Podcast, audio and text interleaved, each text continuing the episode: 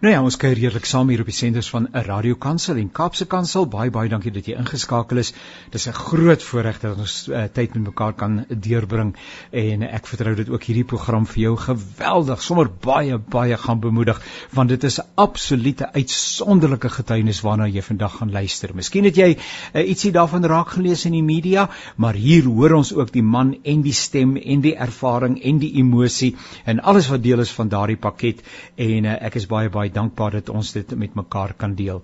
Ek herinner dat ook hierdie program natuurlik as 'n potgooi beskikbaar is by www.radiokansel.co.za en uh, jy kan natuurlik dan net na 'n naweek aktueel toe gaan en uh, daar kan jy dit weer 'n keer luister of met mense deel en uh, die afgelope week se uh, joernalis of oh, ja wat is ons aktualiteitsprogram nê op Woensdag het gehandel oor die Freedom Charter en ons het gesels oor woede en ons het met 'n klomp ander dinge gesels. So dit is ook beskikbaar as 'n potgooi as jy 'n bietjie daarna sou wou luister. So nogmaals baie baie dankie en ook aan Sani wat vir ons die tegniese versorging behartig. Nou uh, ek is baie bevoorreg om 'n uh, vriend, 'n uh, kollega of dan 'n uh, broer hier by in my in die ateljee te verwelkom. And uh, I'm really very very happy that I can welcome Rusty Labeskagni and uh, Rusty has had a uh, an experience uh, that I cannot even imagine one can have and still be on the other side of that experience, uh, alive to tell the story. Nevertheless, we'll get to that story, but for the moment, Rusty, thank you so much for joining us. This is Rusty Labuschagne. Thank you, Jannie, and thanks for having me on, and uh, apologies for Labuschagne talking English. no problem. We're totally bilingual. Actually, uh, we, we broadcast in all mo- most of the languages in South Africa. Uh, but when I saw your surname, that's why I inquired and I said, is hierdie Afrikaanse Labuschagne? But then you said, no, wait a minute. Uh, this is an English Labuschagne, but uh, just very, very welcome. Uh, we're going to talk about uh, your incarceration in prison in Zimbabwe. And I have some questions and would like to learn from you and our listeners would like to learn from you and hear uh, how you survived that ordeal. But let's start right at the very beginning, uh, Rusty. Tell us about your upbringing. Where did you grow up and something of that uh, background, please. Thank you, Jannie. I'm actually um, French Huguenot stock. And my ancestors, yeah, settled in the Cape between 1688 and 1691. And then in 1913, my great grandfather trekked from Daar in the Northern Cape to a little place called West Nicholson in southern Rhodesia, which is now Zimbabwe. Mm-hmm. And, and that's where my life started. Um, from humble beginnings as a fourth generation Zimbabwean in a cattle ranching background. And, uh, I was sent to boarding school at six years old, 200 k's away. Sure. In those days, um, you can imagine a little six-year-old boy 200 k's away, and and uh, the terms were three three months long, and you were only allowed to see your folks once every term, and that was at half term. Even if they came to town, you couldn't see them. It was supposed to upset the child. That's the old colonial rules, you know. Anyway, um, yeah, I didn't have good memories of my of my junior school days. Um, then I tragically lost my charismatic father at the tender age of 12 which turned our lives upside down. Um, and then enjoyed the the wild ways of the Rhodesian Bush War, Jannie, and um, being uh, crazy about rugby and water polo and uh, the war environment created a, a wild, hardy character. They, they were they were rough times, and I'm telling you this, Jannie, because I believe that resilience is something that that you learn. You're not born with resilience. Yeah. You born fortitude. And I, and I think my, my hard times in, in boarding school and, uh, you know, the war environment and, and the rugby and everything, um, stood me on, on good ground for my time when I went away. Anyway, I left school. I was always uh, very passionate about sport and very fortunate to play several rugby tests for Zimbabwe, um, which I loved. But I was, uh, I'm a country boy and I like to be in the bush, you know. So yes. I, I started in the safari industry in middle, in beginning of 82. And, um, after a few years, I realized that I could make as much money as these guys I'm working for by getting a few clients for myself. Yes, yes. and Uh, I was in the hunting business, hunting safaris. Um, and so a partner and I did that. Um, and soon after one year we, we did so well that we split up and I went on my own and uh, I was fishing safaris, photographic and hunting, but primarily hunting. And it was so successful, Jannie, that, that by 2000, um, I was flying my own aircraft. I had uh, a very lush place in, in Bulawayo, uh, five safari concessions, uh, fishing resort on Lake Kariba, uh, water well drilling business. And yeah, I was, I was doing well. I worked very hard. I had a great crew. And, um, yeah, in 2000, that's when things all went wrong. Sure, Rusty. Thank you for sharing the background. And as you said, uh, just referring to your childhood years, in a sense, it uh, must have prepared you for what lied ahead. By God's grace, we don't know what the road uh, has in um, uh, what, what, the road entails for us in the in the future. Uh, but then you said you referred to the year 2000, and you were exactly busy with what you have just described uh, within the business environment that you have been um, that you found yourself in, and then something happened that led to your imprisonment uh, there in Zimbabwe in a jail. What happened? Jannie, every safari operator, whether you are fishing, hunting, or photographic, you're responsible for the anti-poaching on yes. any of the concessions that you're on. Mostly because they're remote areas um, and uh, I had a, an ongoing battle with the fish poachers in, in the area where my fishing resort was, because it was a non-breeding, it was a breeding area, a non-netting area. You could fish um, um, with with a with a rod and reel, but you couldn't net fish there. Yes, it, yes. And, and we were non-consumptive, so we were mainly catch and release. You just eat whatever you want to eat in the camp. And I had run-ins with some poachers there and one afternoon, uh, after uh, I was on a uh, trip with a bunch of mates of mine, and um, we were all fishing for bream in the river of the Sinamwenda, and uh, a mate of mine decided, to, and I decided to go tiger fishing on the lake. and on our way back, we spotted two fish poachers in a steel boat, who immediately upon seeing us started paddling hastily for the shore in an effort to get away from us. Yes, yes. And knowing they were notorious poachers, I knew them, I drove my boat towards them to scare them off. And the wake of my boat tilted their boat, causing them to jump out into the water. And they were yeah. about three meters from the shore, and it was about one and a half meters deep. They soon scrambled to dry land, and my mate and I then watched as they ran away into the bush and thought nothing more of it. The following day, the police arrived with one of the poachers and accused us of drowning the other one. And to cut a long story short, Johnny, without a body, against police evidence and on presumptions, I was convicted of drowning that poacher. It was, there was a, a great deal of political inf- interference. It got very ugly. There was a judge imprisoned. It got to presidential level, and, and it's another whole story that's all in my book. Um, but the injustice of it all, when such a little time was spent in, in the in the trial, proving somebody died or somebody drowned because there's no evidence. Yes. All they wanted to pin was that I had drowned somebody and, and all contradicting evidence. So it was, yeah, it was very, very tough. Eh? It was very, very hard to process it all, especially lying in prison. You've been given 15 years and you're serving 10. A lot of stuff goes through your head in those years. Eh? Rusty, I can't even imagine. Now, your colleague that was with you in the boat, just uh, as a matter of interest, what happened to him? And uh, was he also uh, imprisoned or they were only interested in you? You won't believe it, Jannie. He got a $10 fine and was set free because he was not driving the boat. And that is exactly as it is in the judgment because he was not driving the boat. It's unbelievable. We'll refer to the book towards the end of the program and encourage listeners also to get hold of it. Um, and unfortunately, I haven't read it yet, but uh, just listening to you, uh, this must have been an experience I can't even, as I've already said, I can't even imagine going through an experience like that. Now, um, uh, during the, uh, I was just thinking about the court proceedings. Um, were you able or weren't you able to make an appeal to people to appear on your behalf, um, friends or um, uh, attorneys or you know some kind of legal advice and uh, people that would, would, would have been there and said, but this, this is not reasonable and this is not justifiable the way that the law has been interpreted in that situation. The only one thing that I knew from the beginning. So my lawyer said it'll never get to court. There's no evidence, nothing. And then it started getting um, political interference from the from 2000. Not many people understand what the land invasion um, uh, in uh, like atmosphere was like in the country at that time. The, the injustice spread everywhere.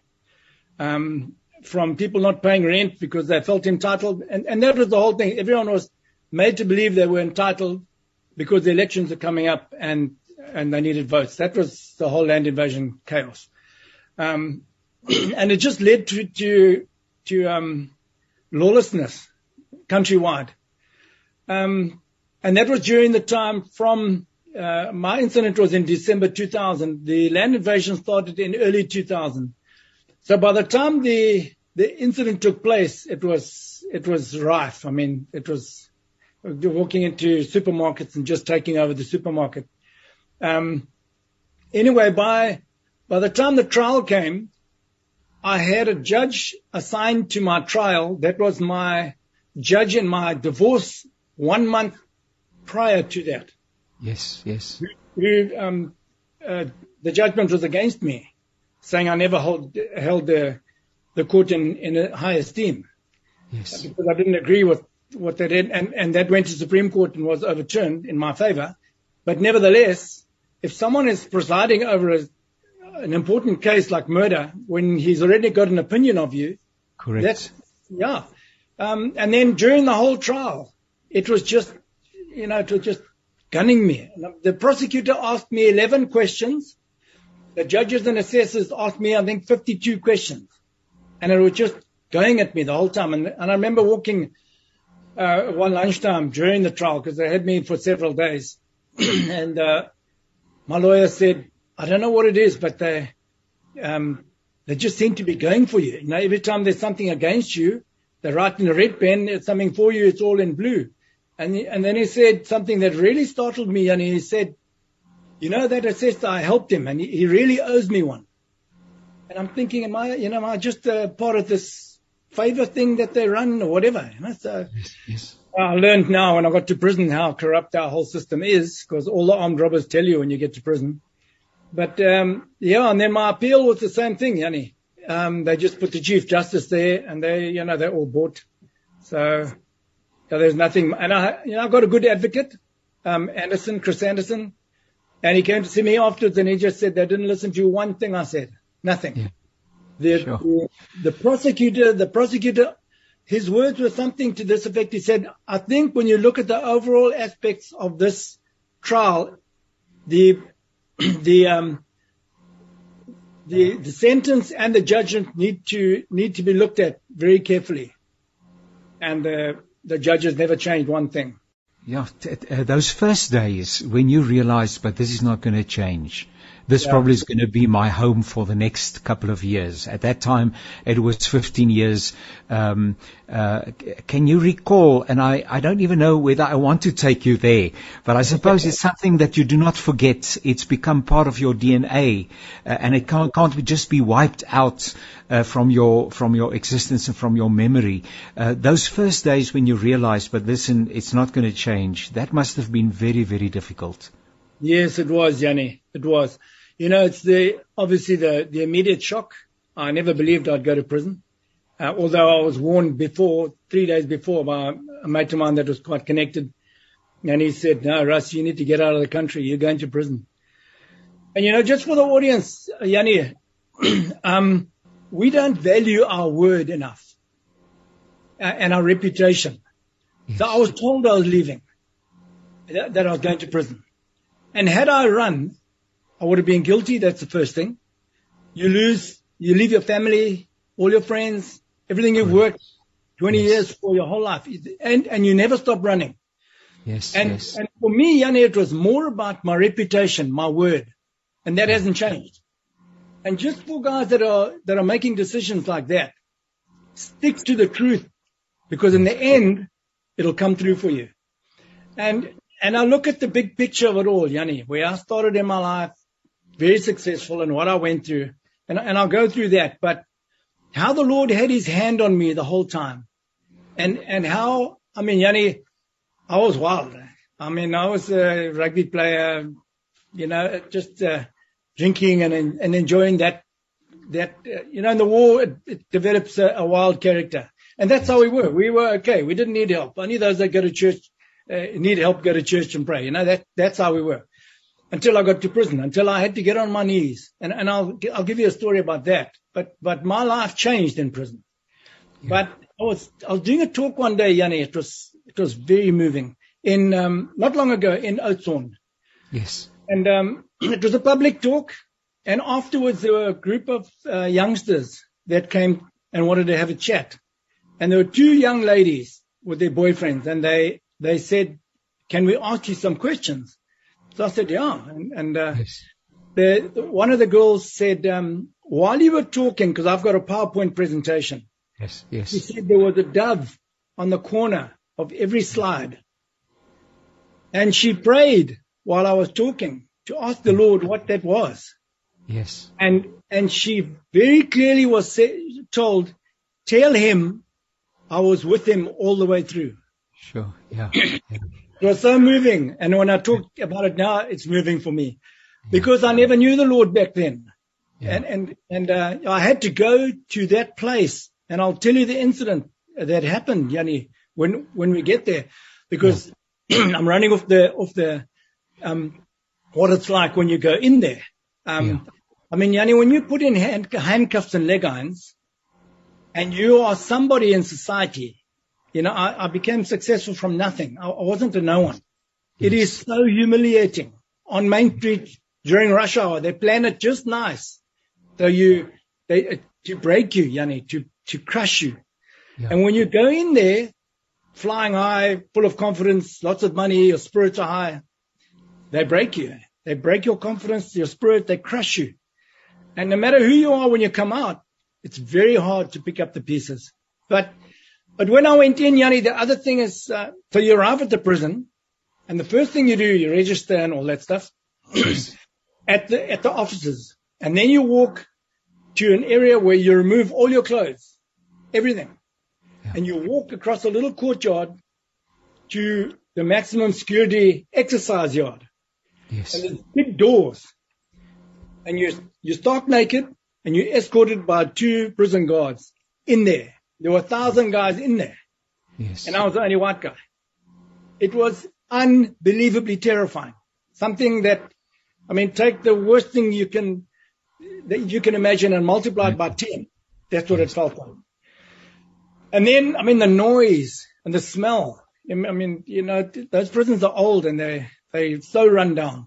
And, uh, I got to my cell. The cell was 13 meters long by three meters wide. We were 79 guys in there.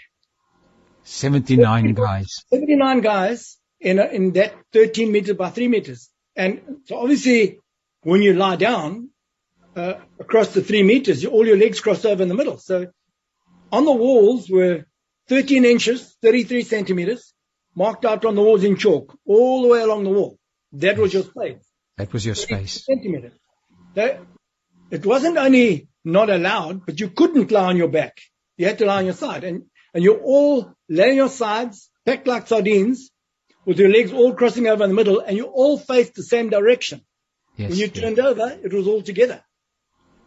And as cushioning against the cold concrete floor, you'd fold two of your paper thin, worn out Lysoden blankets several times to fit your space, your 33 centimeters, then cover yourself with a third one. And the lice, Jannie, you know, I've never seen lice before.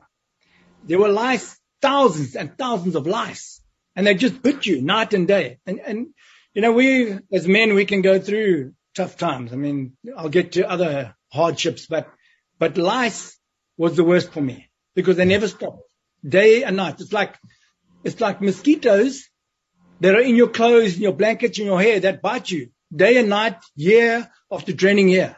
It just, it eats away at you on every level. Uh, well, life was tough. And then, Jannie, we were only ever allowed one set of clothing at any one time.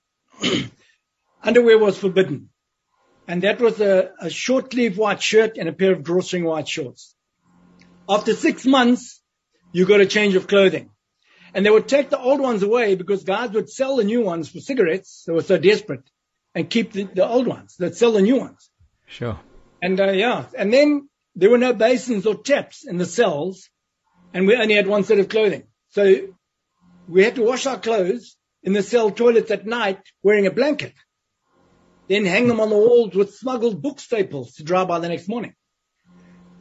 And if you know, just to give the audience an idea of what the prison looks like, Jannie. It's there's no furniture whatsoever in a prison. There's no beds, uh, tables, chairs, cupboards, nothing. Not even a mirror. I didn't see my face for the first eight years. It's just rows of filthy folded blankets and hundreds of well-used water bottles on bare concrete floors. so to add to that, Jannie, in 2005, during the Zimbabwe dollar crash, Harare City ran out of water. For three years, while in Chikurubi maximum security prison, each prisoner was allocated only one plastic cup of water a day. One cup of dirty orange city runoff water from nearby dam carried by farm prisoners. That was to drink, clean your teeth, wash your face, bath, everything for three years, Jannie. Three years. And that's when guys really started dying. And, and I'll get to that part, Jannie, because the Zimbabwe, during the Zimbabwe dollar crash um, and the land invasions, the starvation started. Yeah. So there was, yeah, you know, the, I learned that the most important things in life cannot be bought. Mm-hmm. Health, yes. loved ones, and friends. In that order. Yeah. In my first six years, Jannie, I watched over 2,200 people die. Hmm primarily from malnutrition. It was during the Zimbabwe dollar crash when there was no food outside of prison, never mind in the prison. It was unbelievable.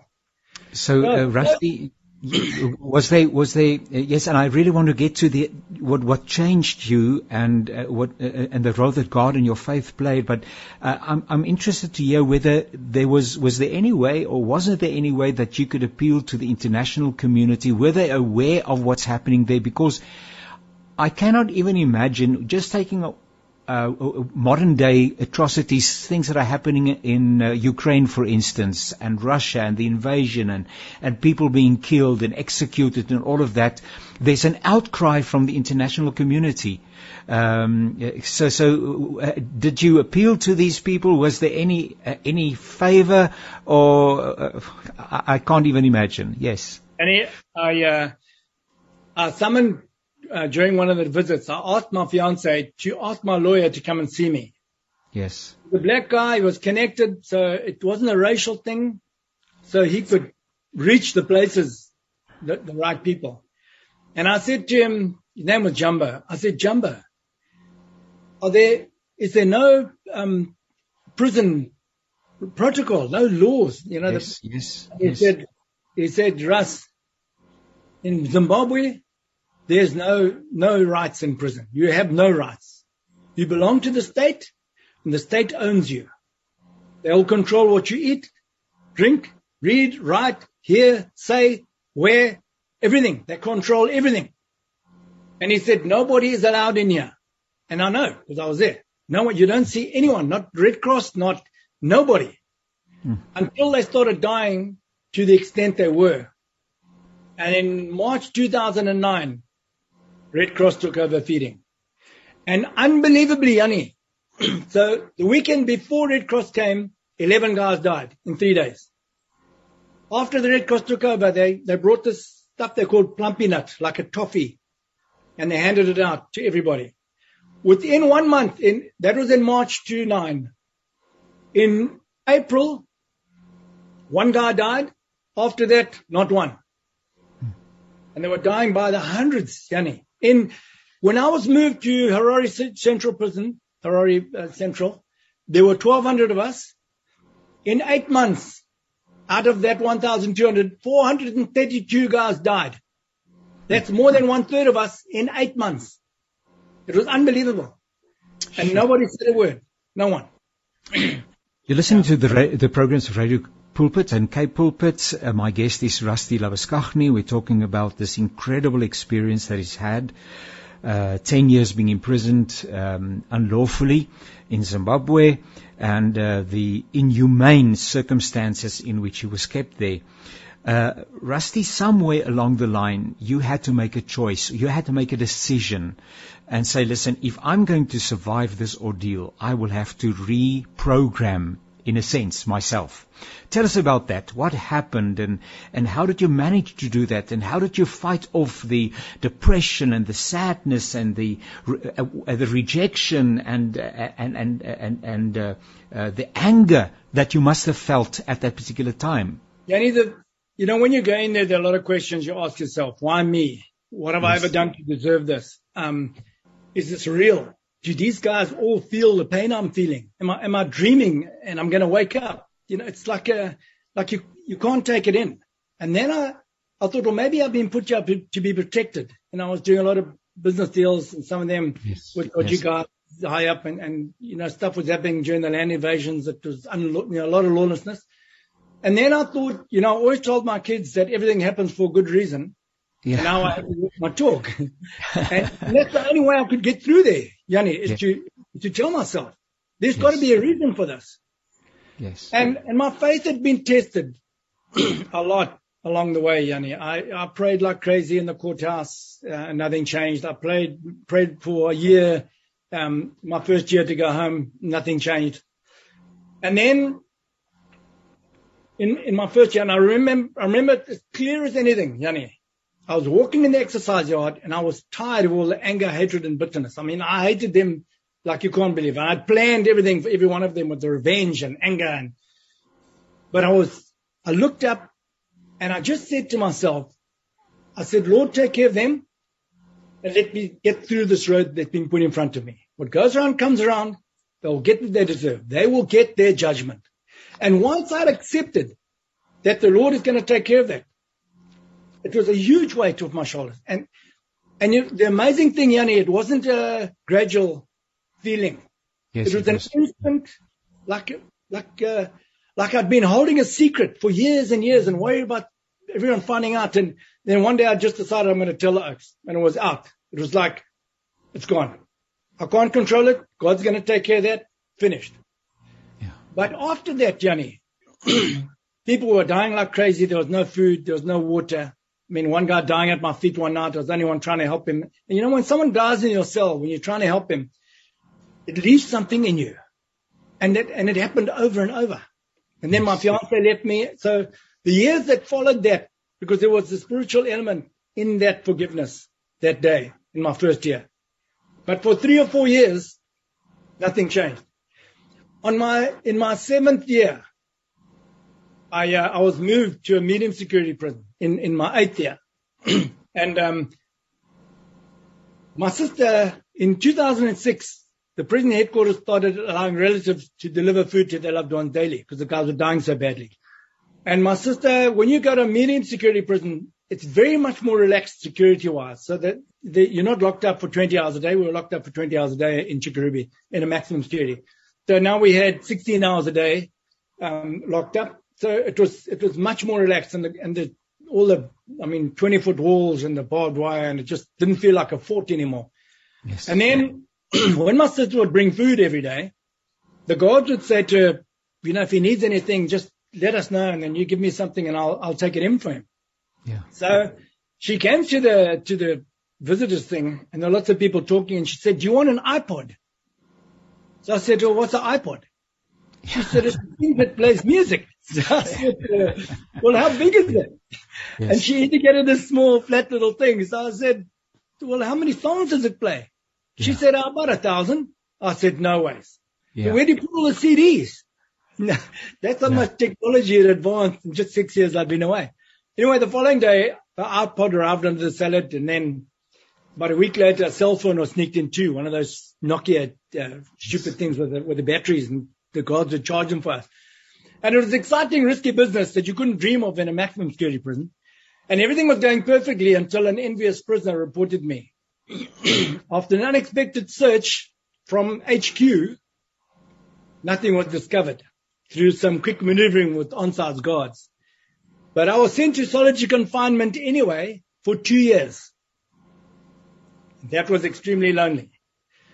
But after experiencing that precious little link to the outside world, I had to get my phone back. And I did, which made a huge difference.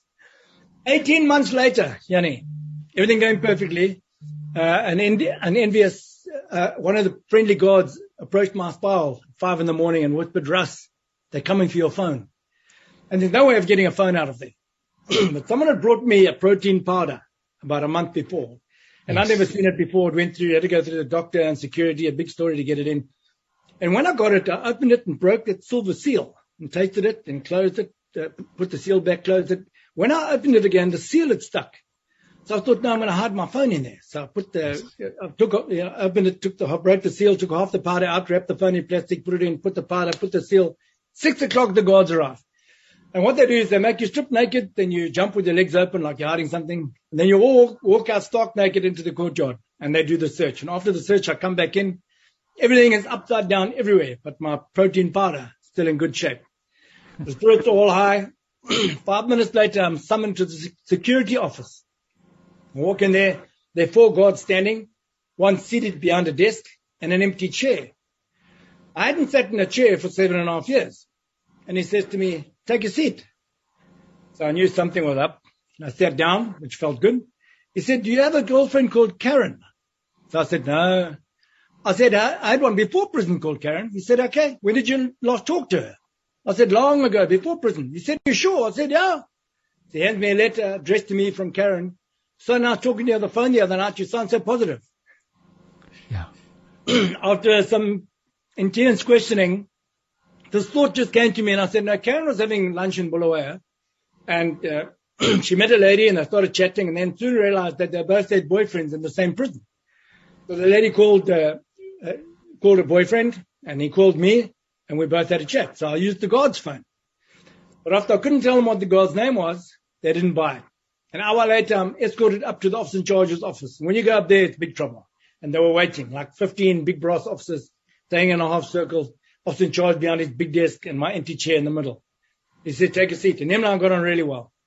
He said, if you don't tell me what that God's name is, your life in this prison is going to change. And I said, oh, I don't know his name. And then the question started. How tall was he? How old? What rank? Where did you make the call? How long ago did you make the call? And I answered the best I could. Then the head of the SOCA said, you want to talk to the officer in charge on your own? So I said, yes, please. So they all leave, close the door. I said, after we've both been through hell, We've watched hundreds of guys die.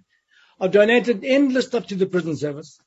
And I, you know, they were, they were doing all kinds of illegal things. I said, can't you just let this one go? He said, Russ, I don't care about you, but I want that God's name now. He was angry. And I said, officer, I don't know his name. so he said, okay. He calls the officers. They put him on death row in the dark cell.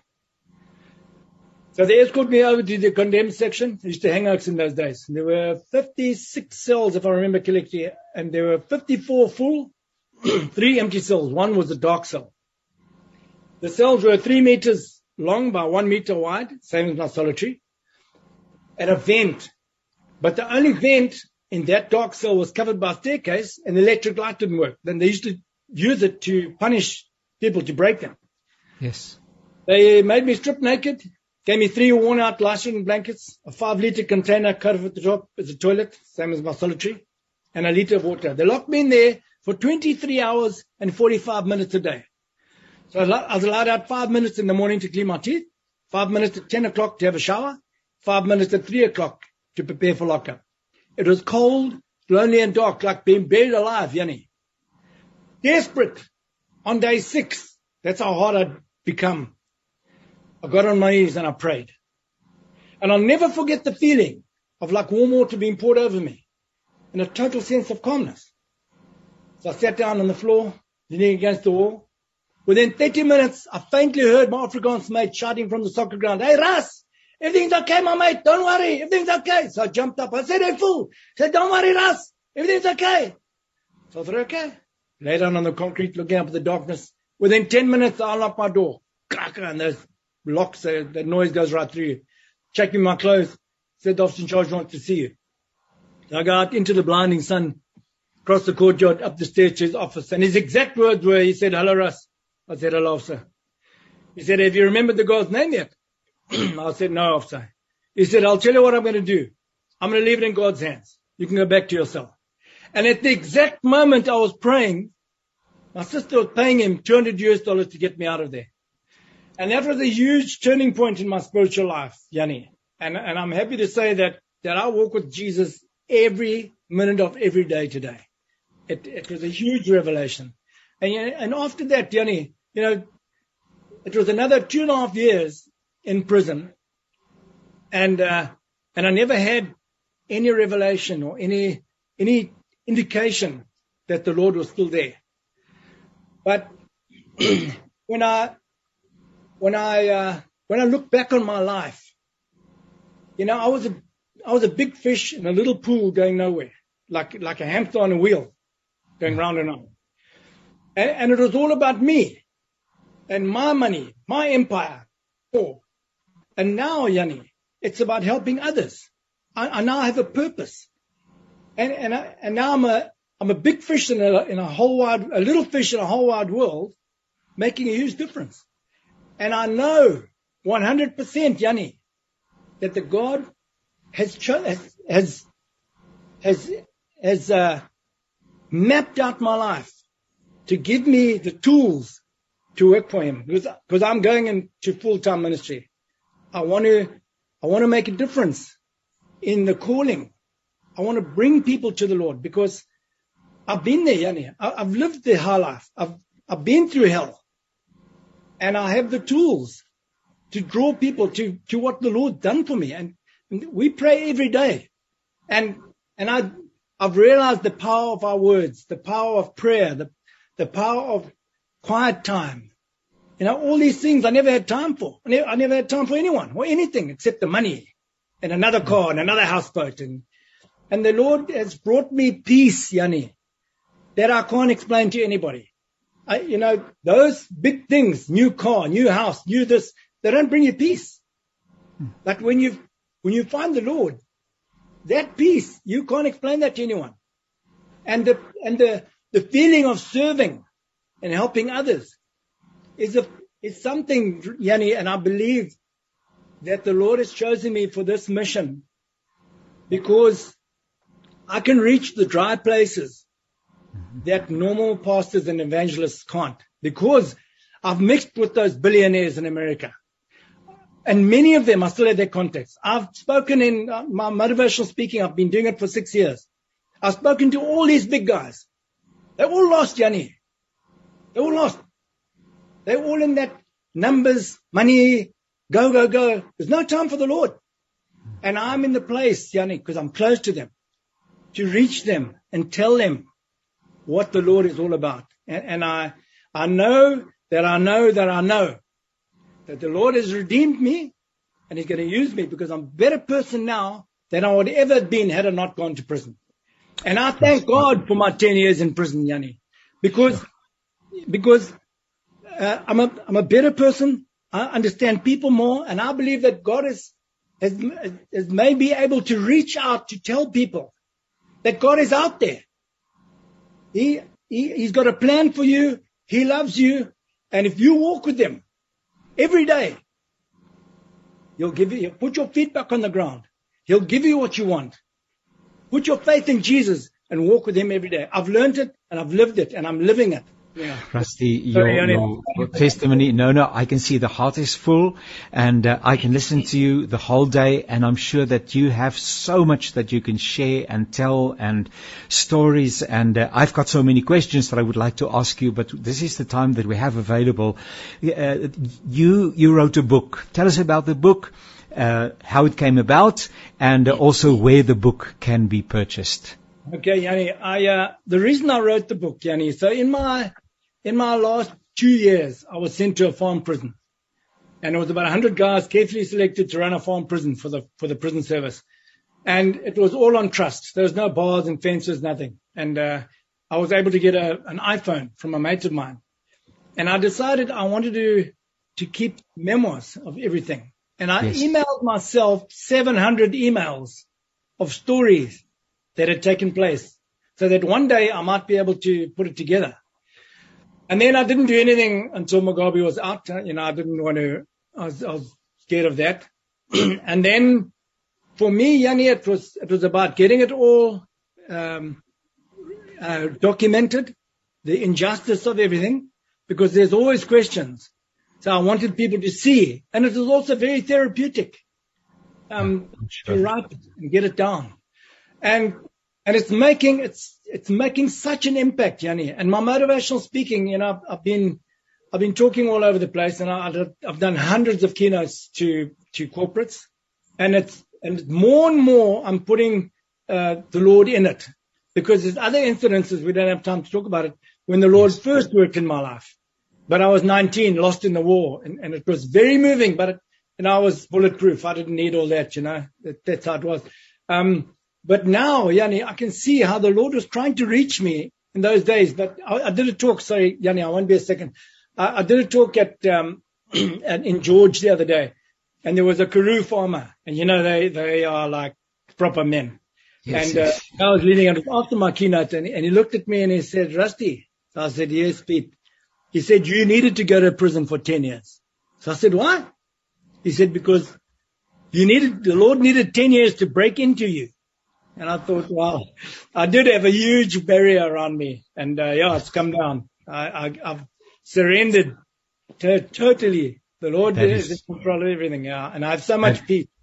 Yeah. That is evident. Rusty, the name of your book and where can people obtain it? Beating chains, it. not breaking, beating, overcoming, beating chains. And uh, you can buy it anywhere, uh, any of any exclusive books, or you can purchase it on my website, which is beatingchains.com. And uh, yeah, motivational speaking, you can book me anytime on my on my website, beatingchains.com, and uh, I'll be happy to keep changing people. I'm sure that many, many people would like to respond, not only getting in the book, but I can think of many um, situations, environments, communities, etc., etc., where your testimony will really make such a tremendous difference. Uh, Rusty, thank you for sharing. Um, uh, I, I'm dumbstuck. I, I don't have words, uh, and and and uh, the the fact that you are alive and that you can share this testimony in itself is a miracle. It's nothing less than a miracle. When you refer to thousands, hundreds, not even not even hundreds, but thousands of people that have died during the time that you were imprisoned, Yeah. and you weren't one of them. By God's grace, you've been kept safe uh, and uh, and reasonably well, so that you ha- so that you could recover and that you can be useful in God's hand. That in itself is is totally incredible. There was something I wanted to ask you, but oh, I just wanted to ask you uh, uh, uh, on a point of, of information. You wrote the book, and the book is available, and surely the book must have found its way to authorities, etc., etc. Was there any response coming from that particular situation? Say, listen, we acknowledge that the situation, the circumstances were totally inhumane. I, I, I can't even imagine when I listen to you that people can do this to other people, but it happened. Uh, Yeah. Any response, any sorry, any forgive Uh, us? nothing. Nothing. I went to Carte Blanche. I I know Derek Watts. I, I met him a few times, and he wanted to do an article on me, but he had to get permission. So they wrote to the justice system in Zim, Yes. and they never got a reply. So, Yeah. so I'm sure never they yeah. No, they forgot about me long ago, Jannie. But There's God is bigger than the, the judicial system there. He's bigger than any prison. He's bigger than any uh, challenge that we have to face. And your life is an example of it, is an absolute Yeah. testimony of it.